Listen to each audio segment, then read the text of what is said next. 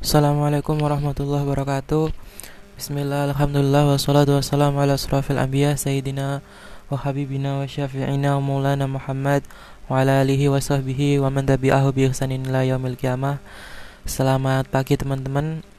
Uh, Pada kesempatan kali ini kita akan melanjutkan pembahasan kita Dengan tema uh, apa itu sejarah dinasti Umayyah atau Bani Umayyah pada episode ke-8 kali ini kita akan membahas uh, langkah langkah politik yang diambil oleh Yazid bin Muawiyah selepas dia menjabat sebagai khalifah uh, kedua dinasti Umayyah.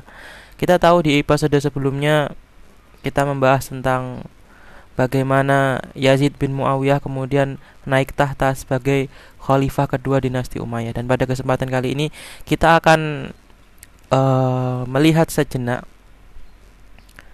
bagaimanakah uh, kualitas atau kebijakan-kebijakan atau langkah politik yang diambil oleh seorang khalifah yang banyak dikritik oleh kalangan sejarawan umat Islam sebagai orang yang tidak pantas atau tidak kompeten menjadi pemimpin umat Islam. Tentu sebagaimana telah saya sampaikan kita akan melihat dengan beberapa referensi seperti uh, bukunya At-Tabari, Tarikh Tabari, kemudian bukunya uh, salah satu tokoh Islam kontemporer yaitu Akbar Syah Najibadi yaitu The History of Islam. Kita akan melihat ini semua uh, sebagai bagian dari ya uh, lini masa atau timeline peradaban umat Islam. Baik teman-teman uh, Bismillah kita tahu Yazid bin Muawiyah itu naik tahta pada tahun 60 Hijriah dan ia mewarisi dari Muawiyah itu dari bapaknya banyak gubernur yang kualitasnya itu ya bisa dikatakan tidak lebih baik atau jauh di bawah para tokoh-tokoh di zamannya Muawiyah bin Abi Sufyan. Kita tahu Muawiyah bersama dengan Amr bin As kemudian uh, dengan uh, tokoh Bani Umayyah yang lain dikenal sebagai para politik yang agung, para politikus negarawan yang ulung. Dan akan tetapi ketika mereka semua telah wafat, Muawiyah telah wafat, Amr bin As telah wafat, diting maka kemudian e, diwariskanlah kekuasaan itu kepada tokoh-tokoh yang tidak kompeten. Di Madinah misalnya Yazid memiliki gubernur yang bernama Al-Walid bin Utbah bin Abi Sufyan. Uh, ini sepupunya. Kemudian di Kufah ada Nu'man bin Bashir Al-Ansari. Di Basrah uh, gubernurnya adalah anaknya Ziyad bin Abi yaitu Ubaidul, Ubaidullah bin Ubin Ziyad. Nanti Ubaidullah bin Ziyad adalah salah satu uh, dalang dari tragedi Karbala. Kemudian ada Amr bin Sa'id bin Al-As. Itu semua kalau kita mau merujuk kepada bukunya Imam Tabari atau Tarikh Tabari. Dan mereka semua itu gubernur-gubernur itu adalah uh, apa itu bisa dikatakan kader yang tumbuh di bawah asuhan konflik dan fitnah yang terjadi di kalangan kaum muslimin maksudnya perang Siffin dan konflik ya yang berkecamuk berkaitan dengan pembunuhan Utsman dan juga tentang perebutan kekuasaan antara Sayyidina Ali dengan Muawiyah bin Abi Sufyan. Dan secara umum para gubernur-gubernur itu mereka berhasil meraih posisinya itu sebagai uh, tokoh politik, sebagai gubernur karena peranan mereka yang besar dalam mengamankan bayat kepada Yazid yang sudah dilakukan sejak zaman Muawiyah masih hidup. Jadi e, nalar pemerintahan pada saat itu lebih mirip uh, seperti seorang serdadu dan politisi ketimbang seorang negarawan apalagi seorang ulama. Dan semua gubernurnya Yazid teman-teman terutama Ubaidullah bin Ziyad anaknya Ziyad bin Abi itu tidak dikenal sebagai orang yang fakih apalagi seorang abid atau ahli ibadah. Hal tersebut kemudian kita dapat menarik sebuah kesimpulan atau menegaskan bahwa tabiat kekuasaan khalifah kedua Bani Umayyah Maksudnya Yazid ini beserta tokoh-tokohnya itu memang bukan untuk kemaslahatan agama dan kaum muslimin tapi untuk ya katakanlah melunasi semangat asobiah yang sudah dirintis sejak uh, pendahulunya. Maksudnya sebelumnya itu Muawiyah bin Abi Sofyan. Dan selama pemerintahan Yazid praktis tidak ada satupun kemajuan yang tercatat dari peninggalan uh, dinasti Umayyah. Yazid di pemerintahannya itu politik-politiknya kebijakannya disibukkan dengan urusan pol urusan yang uh, lebih uh, cenderung untuk mengamankan posisinya sebagai khalifah. Dan maka dari itu kita tahu ketika tersebar kabar bahwa Muawiyah bin Abi Sufyan wafat dan digantikan oleh Yazid bin Muawiyah, semua itu tampak apa itu tampak murung, tampak diam di permukaan dan menyetujui keputusan tersebut. Akan tetapi Yazid merasa belum puas pada apa yang dilihat dan didengar uh, darinya. Dia meyakini bahwa masih ada bahaya laten yang memungkinkan terjadinya gejolak di berbagai wilayah yang menyatakan protes atas keputusan tersebut. Jadi meskipun Yazid itu secara jujur dia sudah dianggap apa itu digelari putra mahkota dan kemudian dia sudah mendapatkan uh, bayat dari orang-orang yang uh, diambil bayatnya oleh Muawiyah dan tokoh tokoh-tokoh dinasti Bani Umayyah kan tetapi dia merasa ada beberapa hal yang itu nanti akan mengancam posisinya sebagai seorang khalifah. Dan ya kecurigaan yang dirasakan Yazid itu tidak sepenuhnya salah juga sih, karena kuatnya hegemoni kekuasaan itu yang ditinggalkan ayahnya memang sudah tidak memungkinkan lagi suara sumbang terdengar dari setiap wilayah atas kedudukan Yazid. Itu semua maksudnya apa itu eh, opini-opini politik yang menyerang dinasti Umayyah itu yaitu dari efek domino yang ya dilakukan oleh Muawiyah bin Abi Sofyan tentang keputusan dia kemudian merubah dengan sistem kerajaan kemudian hidup bermewah-mewahan dan seperti itu. Akan tetapi memang banyak masyarakat yang tidak sepakat keputusan pengangkatan Yazid tersebut. Sudah menjadi fakta umum, rahasia umum bahwa banyak tokoh itu menentang apa yang dilakukan Muawiyah bin Abi Sofyan dengan mengangkat Yazid sebagai khalifah. Dan di antara banyak tokoh yang masih hidup pada waktu itu dan memiliki pengaruh sangat besar di masyarakat umat Islam adalah seperti uh, cucunya Nabi Alaihissalam Husain bin Ali, kemudian uh, Ibnu Zubair, Abdullah bin Zub Abdullah bin Umar, Ibnu Umar dan ketiganya tersebut tidak ada yang menyetujui Yazid sebagai khalifah dan itulah yang membuat Yazid itu merasa cemas dan terganggu. Akhirnya ketika pertama kali e, mengawali pemerintahannya sebagai seorang khalifah, Yazid itu menulis surat kepada Al-Walid bin Utbah yang ketika itu menjadi gubernur di Madinah. Dia menuliskan sebuah surat di perkamen kecil, catatan kecil yang berisi perintah kepada Al-Walid bahwa uh, tangkap Husain, Abdullah bin Umar dan Abdullah bin Zubair dan minta mereka memberikan bayatnya. Sumpah setia kepada ke, ke, kepadaku maksudnya kepada Yazid. Dan bertindaklah sedemikian keras sehingga mereka tidak memiliki kesempatan untuk melakukan apa pun sebelum memberikan sumpah setia. Itu teman-teman bisa buka di bukunya di tulisannya Imam Tobari yaitu uh, Tarikh Tobari. Ini dari surat ini teman-teman kita bisa menarik sebuah apa itu uh, fakta bahwa Yazid itu memang berbeda dari Muawiyah dari ayahnya. Muawiyah bin Abi Sofyan terkenal dia tahu bagaimana cara mendekati tokoh-tokoh yang harusnya didekati dengan cara lembut, satu lagi dengan cara keras, satu lagi tidak diusik. Tapi bagi Yazid karena memang dia tidak kompeten, tidak mumpuni sebagai seorang khalifah, maka dia menggunakan cara yang keras memanfaatkan kekuasaannya untuk memaksa seluruh kekuasaan itu harus tunduk di bawahnya. Dan sebenarnya ini sudah diwanti-wanti Muawiyah. Ada uh, sebuah kisah disebutkan memang Muawiyah ketika hendak meninggal itu dia menulis sebuah catatan wasiat kepada Yazid untuk berhati-hati kepada tokoh tersebut dan e, menuliskan saran apa yang harus dilakukan Yazid untuk menghadapi seperti e, Abdullah bin Zubair didekati dengan e, lebih lembut. Kemudian e, kalau Hussein dia tidak bisa diajak kompromi mungkin harus didekati dengan cara lain. Tapi itu semua di apa itu dirak tidak dilaksanakan oleh Yazid bin Muawiyah.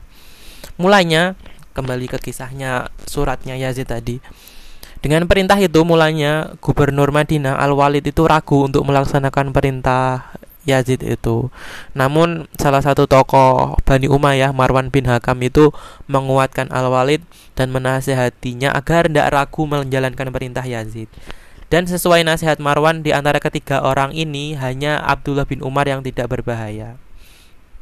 Uh, Ibnu Umar itu sahabat yang uh, lebih mendekat, lebih banyak menghabiskan meskipun dia tokoh masyarakat dia uh, lebih banyak menghabiskan waktunya itu untuk beribadah dan mengurusi hal-hal yang uh, apa itu ya hal-hal yang berkaitan dengan ibadah ndak ikut-ikutan masalah politik. Makanya e, sarannya nasihatnya Marwan Abdullah bin Umar itu tidak usah dipikir terlalu dalam karena dia tidak tertarik dengan politik. Abdullah bin Umar itu sudah larut dalam ibadah dan sudah tidak tertarik dengan dunia, dia menjauhi dunia sehingga tidak mungkin punya keinginan itu untuk mengambil kekuasaan. Dan yang perlu dikhawatirkan itu dan perlu dijinakkan itu dalam tanda kutip itu adalah Ibnu Zubair dan Husain bin Ali. Karena mereka memiliki pengaruh yang luar biasa, terutama Sayyidina Husain itu yang masih memiliki dukungan luas di dunia Islam. Maka berangkatlah Al-Walid, gubernur Madinah tadi kepada Abdullah bin Zubair dan Husain bin Ali. Namun karena terdengar kabar bahwa uh, gubernur akan uh, apa itu mendatangi keduanya, keduanya sudah tidak ada di Madinah dan dikabarkan sudah berangkat ke Mekah untuk menunaikan ibadah haji. Abdullah bin Zubair ibnu Zubair berangkat bersama saudaranya sedang Husain bin Ali berangkat bersama seluruh keluarga besarnya termasuk adik perempuannya Zainab binti Ali kemudian putra-putra uh, abangnya Hasan bin Ali adik-adik Al Husain dan putra-putrinya Al Walid dan apa itu maksudnya putra-putri uh, Sayyidina Husain. Al-Walid itu memerintahkan pada pasukannya untuk mengejar mereka namun karena sudah berangkat terlalu lama akhirnya terlalu jauh dan tidak mungkin untuk dikejar. Dan sejak keluarnya surat perintah dari Yazid untuk memaksa keduanya dengan cara apa pun dengan cara keras itu e, bisa dikatakan Ibnu Zubair dan Sayyidina Husain menjadi buronan kelas kakap dalam pemerintahannya dinasti Umayyah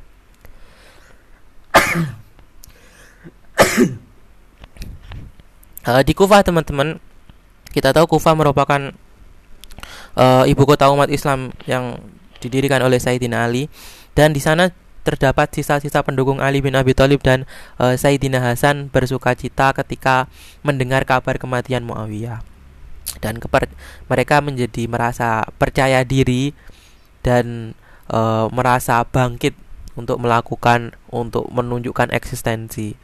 Dan dengan itu juga mereka menolak berbaiat kepada Yazid dan memilih berbaiat kepada putranya Sayyidina Ali yaitu Sayyidina Husain. Mereka lalu menulis surat kepada Husain untuk segera datang ke Kufah dan menjadi pemimpin e, bagi mereka. Surat-surat itu terkumpul semakin hari itu semakin banyak dan akhirnya dikirimkan surat tersebut kepada Husain yang saat itu sudah ada di Mekah. Dan ketika mendapat undangan seperti itu, Husain mengurus mengutus sepupunya yang bernama Muslim bin Aqil uh, untuk terlebih dahulu melihat komitmen masyarakat Kufah.